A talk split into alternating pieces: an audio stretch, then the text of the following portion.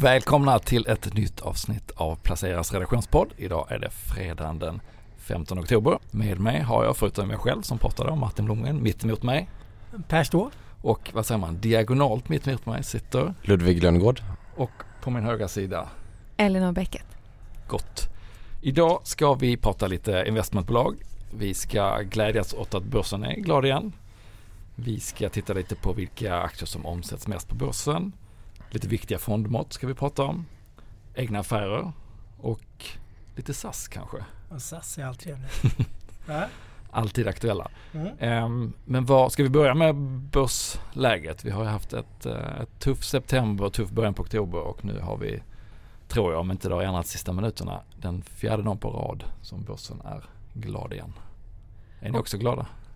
Ja, ja gan- ganska många aktier har ju gått sådär 3-4 procent Mm. per Ja, dag. verkligen. Ja, igår gick det upp väldigt mycket med, i USA. Tech gick upp väldigt bra mycket. och då kan man ju också tänka på och, att att genomsnittlig avkastning är väl kanske 8-9 procent nu per år. Så när en aktie går upp 3-4 procent den dagen vill man ju vara med. Liksom. Ja precis, det har vi pratat om tidigare hur viktigt det är att inte missa de här dagarna som är bra. Ja, min uppfattning är att de amerikanska bolagen har gått bäst. Ja, men jag, jag, Delar ni den? Ja. ja, delvis. För jag tänker på, jag har en del gamla förvärvsbolag i min portfölj som har tagit jättemycket stryk. Mm. Eh, Jag tänker på Lifco exempelvis. eh, Som har kommit tillbaka väldigt bra nu den här veckan och tagit tillbaka kanske halva nedgången i princip på, Mm. på en vecka då. Men jag håller med, techbolagen har gått bra. Men jag förundras också hur snabbt det går att erodera tillväxt inom, särskilt inom biotech. Vi Mm. har ju våran gamla käpphäst Upcellera. Ja, ja, Det var, jag var ju plus minus noll äntligen innan det här raset tog fart och nu jag är fortfarande ner 25 procent nu. Alltså Ja. det har gått jättefort. Jag tror att den har tappat den har gått från 20 dollar till 15 rätt ja, så det är snabbt en av de alltså. riktigt surdegarna i år i min portfölj också. Men den hängde väl med det här med det här nya läkemedlet mot covid. Det Ja, var det som precis. drog ner den ganska precis. ordentligt där. Så mycket annat. Men, men det ser ut som att vi vände på Stockholmsbörsen i alla fall vid den här korrektionsnivån på 10 procent. Eh, och en del knutar verkar ju ha lösts upp lite i alla fall. Långräntan har gått ner lite. Det har ju kommit ganska positiva signaler under den här veckan inför rapportperioden. En del eh, amerikanska banker har rapporterat bra. Alcoa, aluminiumbolaget, rapporterade bra igår kväll. Och en del positiva vinstvarningar från Finland, Kesko bland annat och Fiskas. Och, vä- och väldigt få vinstvarningar. Precis, negativa, Negativa vinstvarningar, om vinstvarningar. Ja, vanliga vinstvarningar. Vanliga Ja. vinstvarningar. Så att lite, visst är det lite, lite ljusare ut inför rapportperioden. Ja det känns ljusare. Jag tänker vi pratar ju under LVMH. Kom, släppte ju försäljningssiffror i veckan som var bättre än förväntat. Mm. Ja, riktigt bra rapport. Och jag läste lite analytikerkommentarer efter. Alla var ju väldigt positiva och menar att investerarna varit alldeles för negativa på de här kinesiska utspelen då. Och de säger att den stora kundgruppen är medelklass eh, kinesen Mm. eh, som handlar deras produkter. Mm. Och det är inte de här ultrarika kineserna som man har som har varit ute lite i media eller som myndigheterna har pratat om. Att man vill mer se ett jämlikare samhälle då. Det skulle påverka. Och, och sen får man inte glömma, även om börsen var ner 10% i Stockholm så har ju bankerna gått bra och hållit uppe index. Så att det är ju otroligt många bolag som har gått ner mer än 20% som är i björnmarknader. Det har du skrivit om. Mm. Jag tittade på eh, hur, hur mycket bolagen fallit från toppen och hur stor andel då som låg i björnterritorium eller vad man vill kalla det. Och på midcap och small cap så var det ju mer än hälften som har tappat mer än 20%. Och Spotlight och First North där det är mer småbolag som är mer känsliga för surt klimat. Där var det nästan 80% som var mer än 20% ner från, från deras topp under året. Så att vi har ju haft en, kanske en eh, ännu surare marknad än vad man, vad man tänker om man bara tittar på index.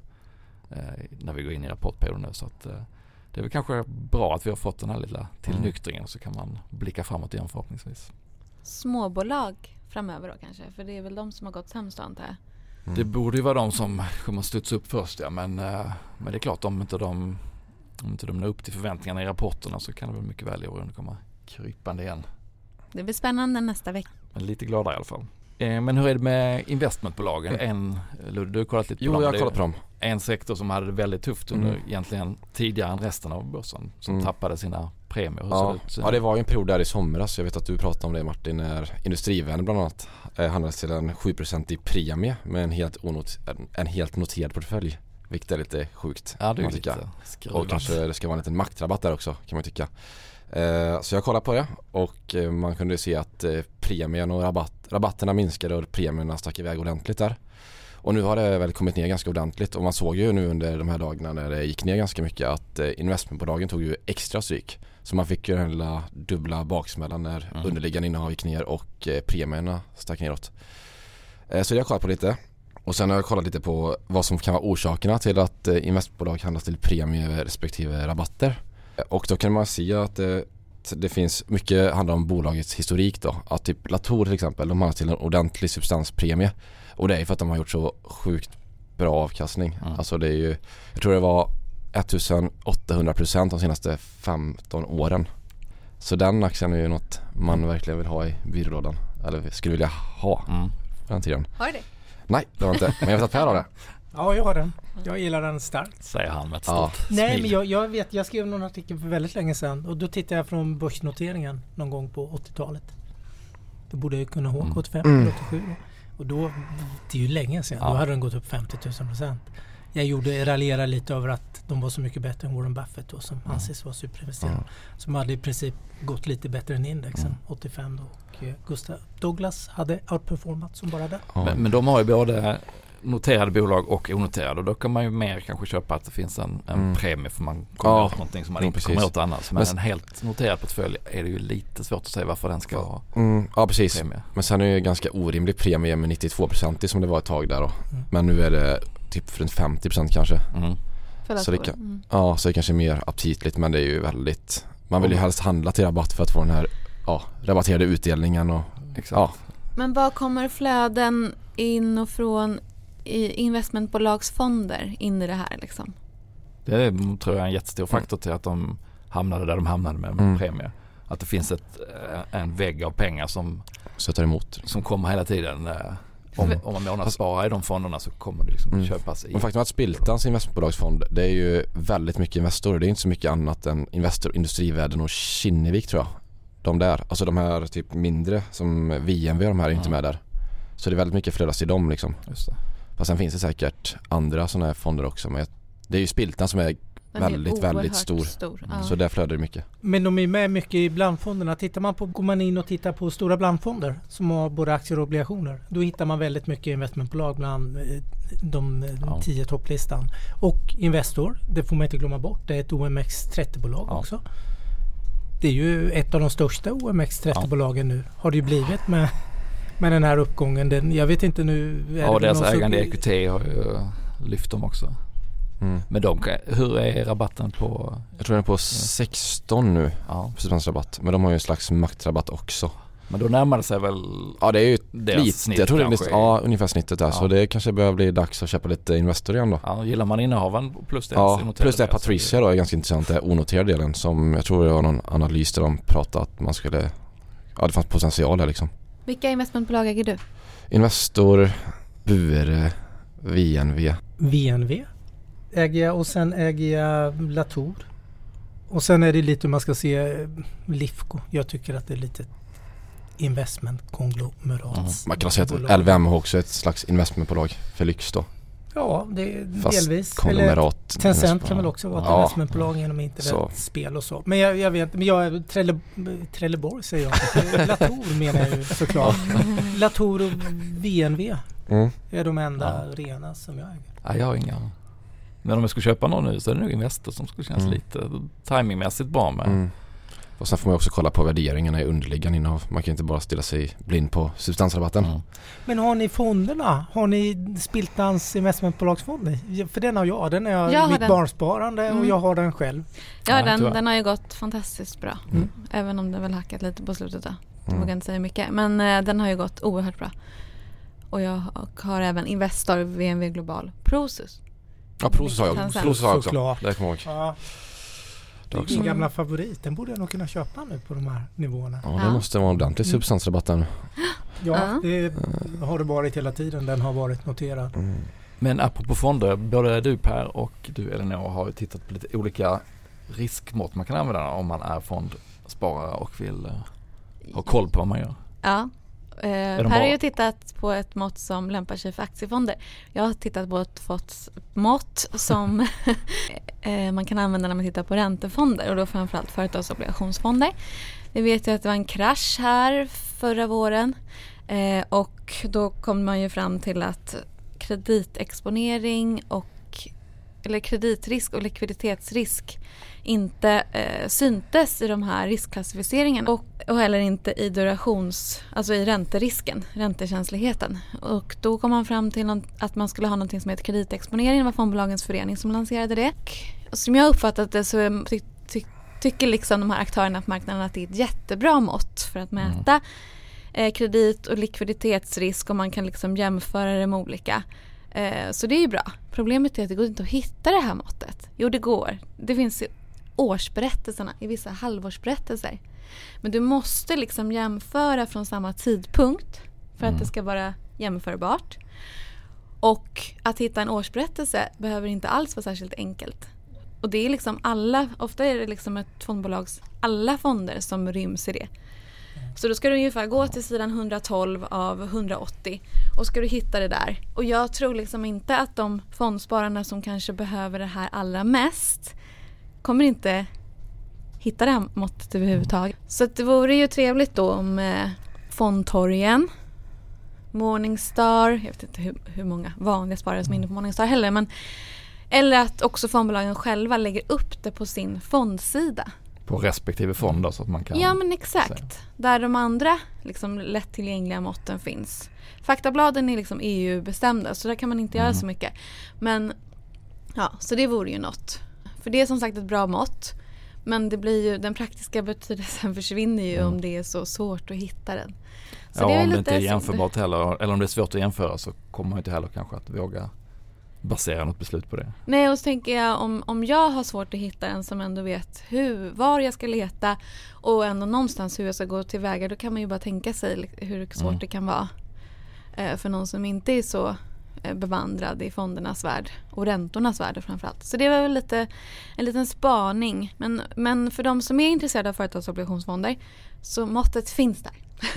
Bra, bra medskick. Och det är ett jättebra mått om man vill jämföra kreditrisken, vilket är en jätteviktig risk i eh, eh, företagsobligationsfonder. Är det stor spridning i måttet? Ja, jättestor. Det- ja, ja, det, det är ju det ja. som var grejen. Jo, jag- Att de liksom jag, men- hade samma risknivå Mm. då innan eh, kraschen. Mm. Men i och med att det var så de, så, de såg lika riskfyllda ut men de var oerhört stor skillnad. Det är jättestor skillnad om du har Volvo och SSAB-obligation eller om du har Hej kom hjälp mig AB liksom så. I den typen av bolag som ger ut sina obligationer. Så ja. Och nu Sharp Quote. Det är något Just helt det. annat. Fast Ja, ändå eh, liknande. Ja, Riskmått. ändå li, den, ja, vi pratar ju risk, den är också, det är ju ett riskjusterat mått lite det du är inne på också. Man vill. Men den går att hitta va? Den är väl Den går att eh, hitta, per fond? den går att hitta per fond och den går att hitta hos eh, Fondtorg och fondtorg och dylikt. Då brukar det vara default tror jag på tre år. Jag Mm. valde att titta på fem år nu för att jag tycker att man kanske ska titta på det på tio år. Men fem år är bra för det är många förvaltare som har jobbat under de senaste fem åren också så så man får lite förvaltarhistoriken. Tycker jag är ett bra riskmått om man ska titta inom en, en specifik fondkategori, typ teknikfonder eller globalfonder. Ja. Och enkelt uttryckt, då får man se vilken riskjusterad avkastning Ja. har gett. Eller? Ja men precis, man, man tar avkastningen i årstakt. får man inte glömma bort. Eh, Så man eh, alltid i årstakt oftast i de här Mm. finansiella modellerna då, vilket man kan glömma bort kanske om man inte är så insatt då. En effektiv avkastning och sen räknar man bort den riskfria räntan då som oftast är en tre månaders statsskuldsväxel. Det är väl, eller ett bankkonto Mm. som är noll då, som är absolut riskfria alternativet då. Och sen tar man det genom eh, själva standard, eller risken i fonden, hur mycket den har rört sig då i, i mått av standardväxel. Som också är upp, eh, uppräknat i årstakt då, så då kan man ta årstakt på fem år. Eh, minus eh, statsskuldsväxeln, årstakt fem år och sen genom så får man då hur mycket avkastning, hur man har lyckats prestera förhållande till den risken man tar då. Mm. Känns det ett adekvat mått? Jag, tycker tror, jag tycker att en riskjusterad avkastning är väl lite underskattad kanske generellt. Ja, Om man tittar liksom, man, eh, det är lätt att man säger så här, åh jag hade ändå den avkastningen, den och den avkastningen. Ja men om man inte sätter i, i liksom relation till vilken risk man faktiskt tagit då är ju det det är ju det där någonstans som liksom, eh, vad ska man säga, prestationen ligger. Ja men, ja men precis, och det var ganska tydligt när man ser det. Jag rankade och liksom tog ut dem på fem år. Det är ju, gemensamt hade de att de hade väldigt låg risknivå eller den är som snittet eller lite lägre ibland. Men du har hittat, du har gjort bra aktieval för du har levererat en avkastning som är betydligt över vad snittförvaltaren levererar då och då får man de här. Men det är klart, de var väldigt höga nu för det har varit en hög de senaste fem Mm. åren har varit, har varit väldigt starka på börsen. Även att vi har haft den här sättningen nu då i fjol. Så är det en extremt bra börsperiod då om man tittar. Och ju högre siffra desto bättre i det här fallet va? Ja men Mm. precis och sen kan man ju då bredda det här måttet. Den kan man ju tänka att man har i sin portfölj. Då kan man lägga in en bra räntefond. Så får man eh, kanske upp sin sharpkvot för då får man ner risknivån. Och du kanske har, kan bibehålla avkastningen hyggligt och att du får ner risken mer än vad avkastningen försvinner. Får också en högre sharpkvot. Så man kan ha den lite att tänka i sitt eget fondbyggande eller portföljbyggande. Och det är en ganska tillgänglig siffra. Ja, den är För den kan tillgänglig. du se för, även för din portfölj då till exempel. Ja det kan man få Mm. hos eh, precis. Nätmäklarna. Hos nätmäklaren exempelvis, där jag är kund då. Så där kan man också se sin Mm. egen portfölj och prestation. Så det kan jag slå ett slag för. Titta gärna på den. Titta inom fondkategorin. Och visst, den visar historiken, man vet ingenting om framtiden men den säger någonting. Sen kan man gå in och titta mer på fonden då om förvaltaren är kvar eller är han helt ny och sådär då. Så. Jag ska ärligt säga att jag inte har tittat på speciellt ofta i de fonder jag har. Kolla mer på köpkvoten. Jag, jag rekommenderar det.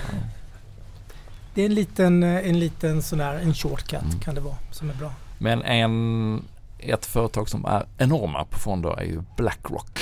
Ja, det ju- jag har skrivit om tidigare. Jag fräschade upp, det var fyra Ja. år sedan jag skrev om bolaget sist. Och då kommer jag ihåg att jag var väldigt positiv också. Och, eh, men jag var lite tveksam om den här tillväxten skulle fortsätta.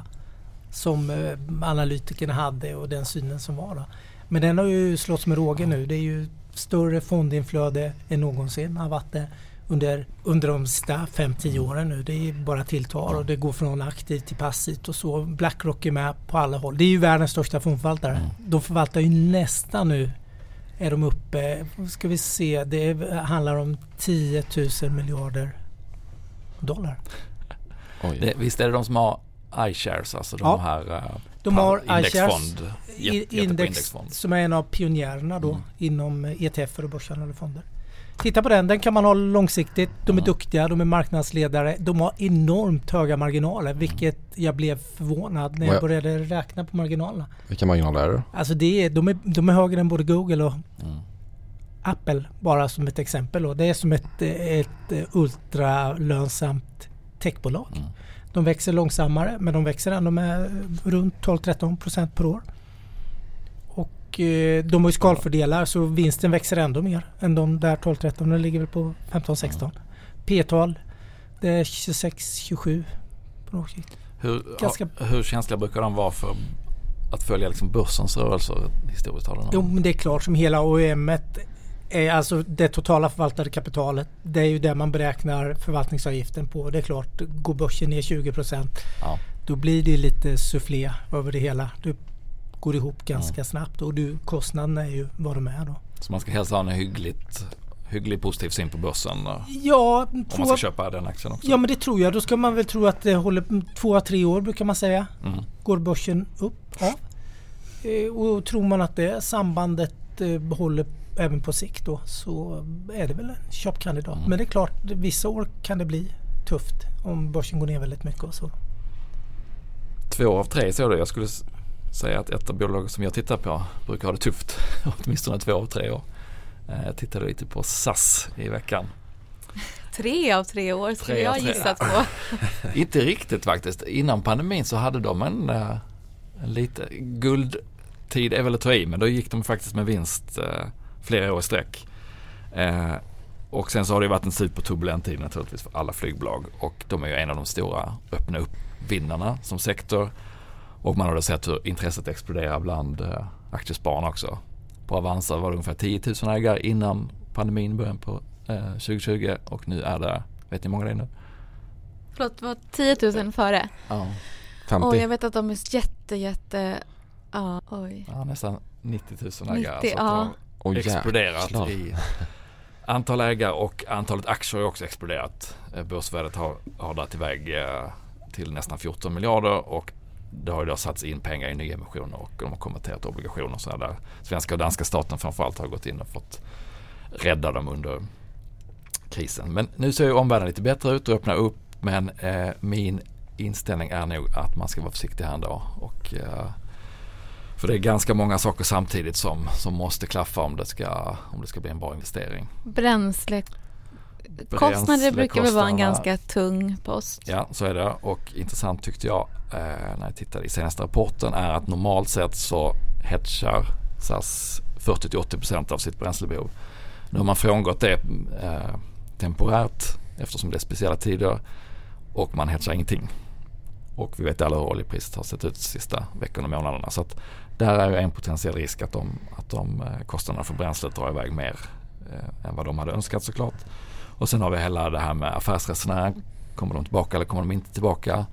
De har fått ganska många besked sista månaderna om att det kommer in fler aktörer på just på Arlanda som är en superviktig hubb för SAS.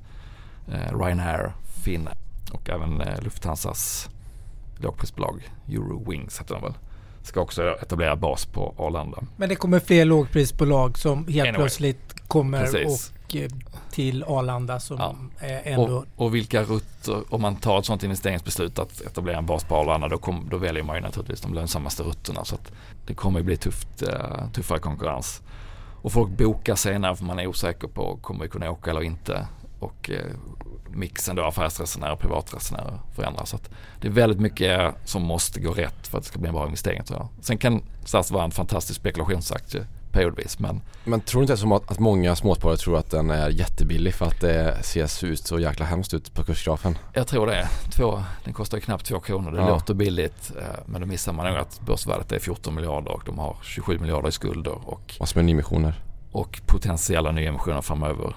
Nu säger de att de har en likviditet för att klara sig genom 2022 och de har nya kreditfaciliteter hos, hos staten. Men eh, skulle vi få ett bakslag på pandemin eller om återhämtningen inte blir så stark som möjligt så, så lurar nyemissionshotet där i kulisserna som vanligt.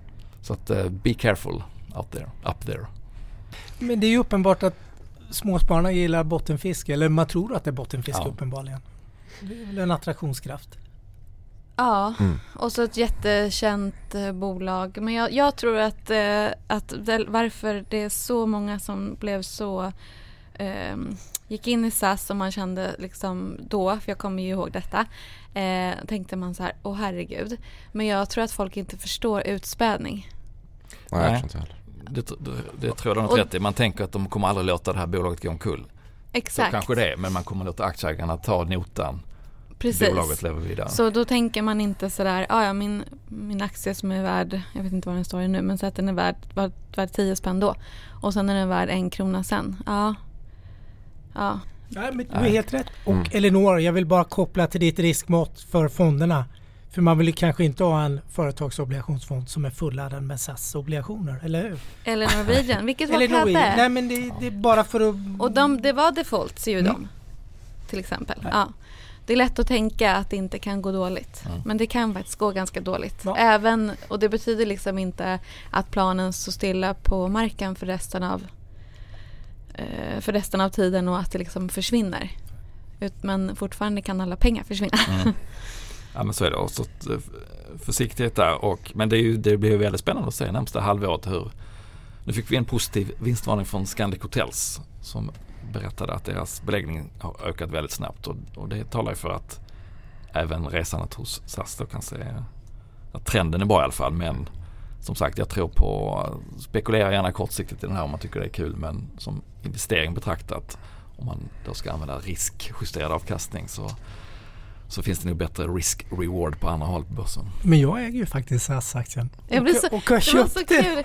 Martin sa det, jag tror Per äger SAS. Och jag sa, Ja. nej, tror du verkligen det?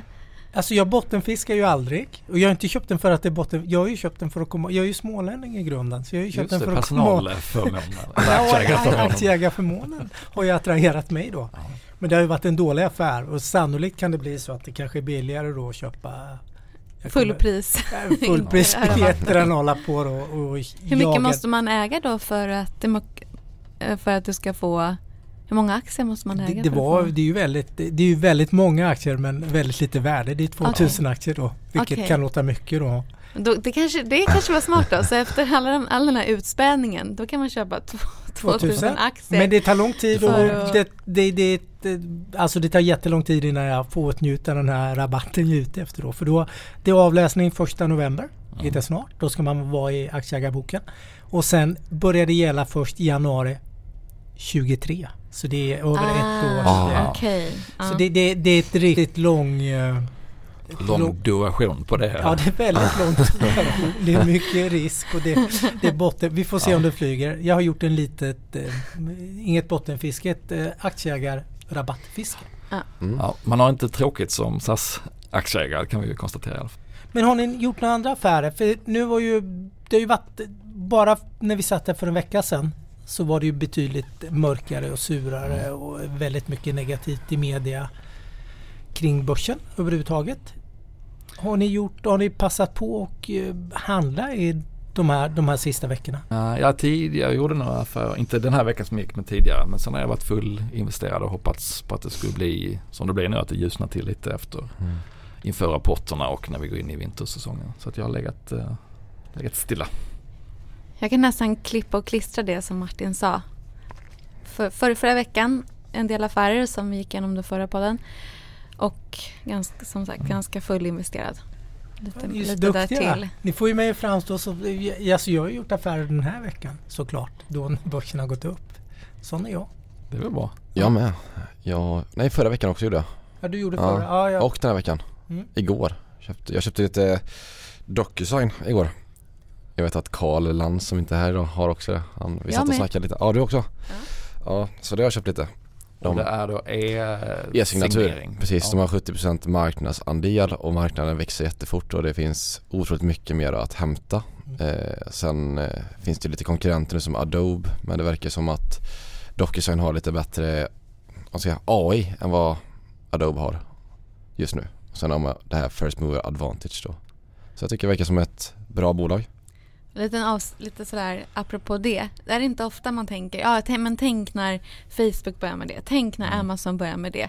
Men det är ganska ofta Mm. som det inte blir så då. Utan det där first mover advantage är värt ofta mer än vad man kanske Ja, tror. jag tror det. Och man säger liksom så här, ja, jag ska DocuSigna detta liksom. Man säger liksom det när man ska signera något på nätet liksom. Så ja, jag tror det är ett bra bolag. Och värder, ja, värderingen är ju såklart hög men den växer säkert in i det. Som Men- allt annat. Men den är, lägre, den är lägre nu än vad den var Ja, för, läg, jag tog, för jag, en månad sedan. mm, precis. Så den är Den bättre än, närmare 5 procent senaste månaden. ja det kan nog vara något sånt. Det är inte något direkt bottenfiske kan man inte säga. Men ja, jag tror på det. Men har du gjort något, eh, någon annan affär? Ja, jag sålde ju av hela mitt innehav i Tele2 eh, och så har jag sålt av hela mitt innehav i huvudstaden. Så det var, ja det var två bra affärer jag gjort. Eller relativt bra. Men du har sålt väldigt så här, stabila pjäser. Ja men jag har ju en. Det portfölj där låter som jag, ett offensivt. ja jag vill ha tillväxt i min, portfölj- lite mer tillväxt i min por- portfölj så jag har ju ganska mycket Investor och lite annat tråkigt. Så, eller tråkigt tråkigt, det är bra bolag men Men det är inte det Nu är det. DocuSign som, Nu är det nu är det, det riktig tillväxt där. Exakt, E-signering gäller. exakt, exakt. Men Så du har det- gjort något mer? Jag tror både du och jag var Ja, vi handlat. köpte ju lite sus. Vi sålde ju bort oss där i Mm. somras. Surgical science. Ja, precis. Så ja, det är också dyrt dyr värdering. Men eh, de har ju förvärvat ett nytt bolag. Jag tror jag snackade om det kanske förra gången jag var med här. Eh, Symbionics som är också ledande inom detta, simulatorer då och robotkirurgi simulering. Så jag tror det kommer, ja sen fick ju Hugo här roboten Metronics robot i CE-märkning nu också.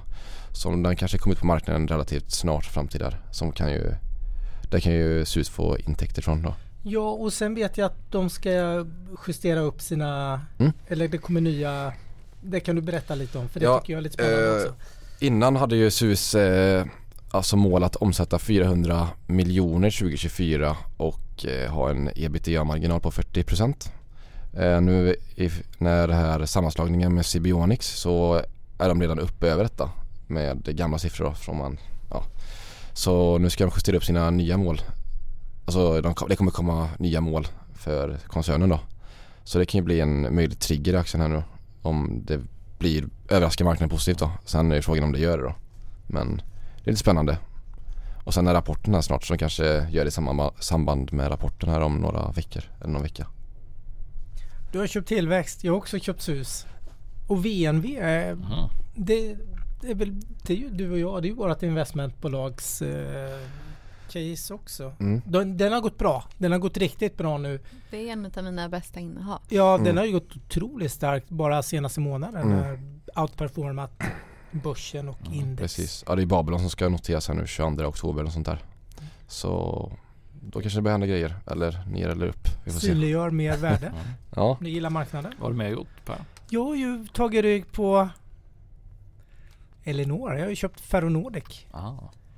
Och Börsveckan. och Börsveckan. Och jag gillar i Ryssland och Ja. Tyskland. Och Ryssland går ju som tåget nu med tanke på det här oljepriset. Och Ferronordic också som tåget. och Ferronordic Mm. går som tåget. Ryssland går som tåget när oljan strömmar in till statskassan där. Vilket gör att hela ekonomin, det finns mycket, mycket pengar att göra stora projekt och byggprojekt att bygga. Tyskland har Elinor varit inne. Vi har pratat Ferronordic. Mycket infrastruktur, mycket, mycket kring det. Jag vill ha den här tysk-ryska exponeringen, känner jag.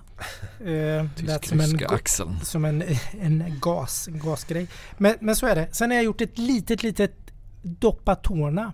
Jaha. ASML har vi pratat om. Vi har med den på vi har haft med den på köpvärda aktier. Mm. Jag gillar bolaget. Jag, det finns ett litet systerbolag som heter ASM i International.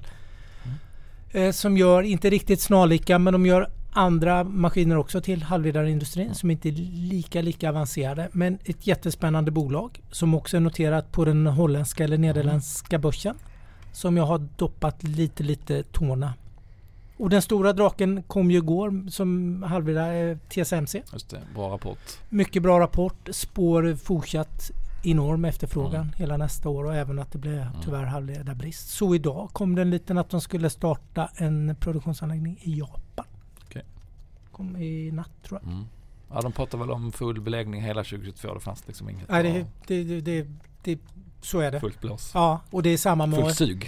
Fullt sug. ASML har ju också full beläggning. Mm. alltså det, det är hela, det, det växer så det knakar och det finns för lite kapacitet.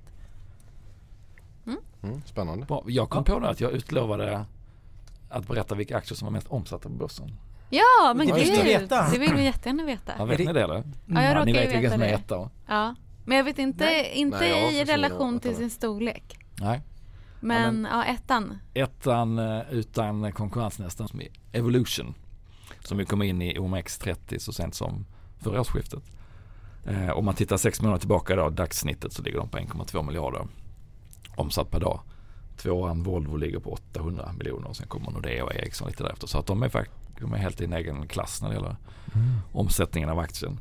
Eh, och, men lite intressant att titta på så här när det är en bit kvar till nästa byte av aktier som ingår i OMX30 är ju vilka som skulle kunna komma in. Och då måste man vara på plats 15 eller över under ett halvår tillbaka för att kvala in. Och tittar man senaste sex månaderna så är det ingen som är där. Men tittar man på lite kortare sikt så, så är EQT och Kindred uppe och nosar på 15 platsen och lite över till och med på, på vissa tidsperioder. Så att kanske inte troligt att det blir något byte men om någon skulle komma in så är det väl kanske EQT och Kindred som är närmast. Och närmast utgången i så fall då som, som har fallit ner i omsättning som idag är med i OMX S30 Autoliv, Skanska och även Atlas B-aktie. Atlas har ju båda sina aktier med i, i OMX S30. Så att, eh, vi får väl se om det blir något byte den här gången. Förmodligen inte men eh, det, det trodde jag faktiskt i våras också att det inte skulle bli något byte men då seglade Sinch upp som otroligt hög omsättning på slutet på våren och kom in. Bankerna, skiljer det mycket eller handlas de ganska jämnt skägg om man säger så? Omsätts de Ja, ungefär lika mycket eller se, finns det något? Lite storleksdrivet där. Nordea eh, ligger på tredje plats nästan 700 miljoner i snitt per dag. Sen så ligger de ganska högt, högt men i, i mitten där på vad ska man säga, plats 7 till 10-12 sådär. Men det här är ju då, är man, har man ett högt börsvärde så blir det ju hög omsättning. Sen så kan man även då titta på hur, hur mycket är omsättningen i förhållande till börsvärdet. Alltså hur stor andel av Mm. bolagets värde snurras varje dag. Och då är det en helt annan typ av bolag som, eh, som dyker upp. Då är det väldigt mycket händelsestyrt bolag som kanske har dykt ner i källaren, har lågt börsvärde och så händer någonting som får handeln att explodera. Så då är det R&B som är i särklass topp där. Kan det vara? Som en, det känns som en SAS. Ja det är lite som en SAS. De, de kommer ju helt att ömsa skinn också. De, de säljer nu Brothers som är deras klädkedja som de har kvar och så ska de ju bli ett medicinteknikbolag. Okej. Ja. Och det är Risso Group och Moment Group som har ju en massa eventbolag i sin portfölj. Det här Agerbio då, det här som har gått ner i källaren. Är det med på listan? Nu har jag bara tittat på ordinarie börsens listor. Och jag tänker att Fort Knox också borde vara en sån där som... Ja, de ligger väl också på någon av de andra listorna. Ja, det gör ja. Ja, så att där har jag ingen eh, Nej, förstår. rekorderlig fakta att bjuda på. ja, Ja. intressant. Men lite, ja, lite intressant spaning. Speciellt de som kan innebära att det byter listor kan ju faktiskt göra skillnad på riktigt då om man kommer in i ett, EQT E och ett index. Kindred. Precis. Ja, och det har har ju ofta en effekt. Vilket man har, kan se rent Precis, akademiskt. för det finns så. fonder, det finns terminer och det finns andra liksom, finansiella produkter som baseras på det urvalet. Så Som bara får investera i flödena. midcap till exempel. Mm. Eller, eh, Och det- Ja, eller så följer ju OMXS30, ja. Mm. Avanza Zero till exempel Mm. och Några andra olika fonder. produkter. Och det såg vi för ett år sedan. Det var ju Mm. Tesla-hypen också. När Tesla kom in där precis vid juletid till S&P 500-index. Vilket Precis. drev kursen väldigt mycket inför det. Så det spelar roll. Det är That's fredag. it. Ska vi, eh, Ska vi? ta Ja. helg och eh, ladda upp för nästa veckas rapportfestival kanske? Det tycker jag. Det gör vi. Tack för att ni lyssnade. Trevlig helg. Trevlig helg. Hej!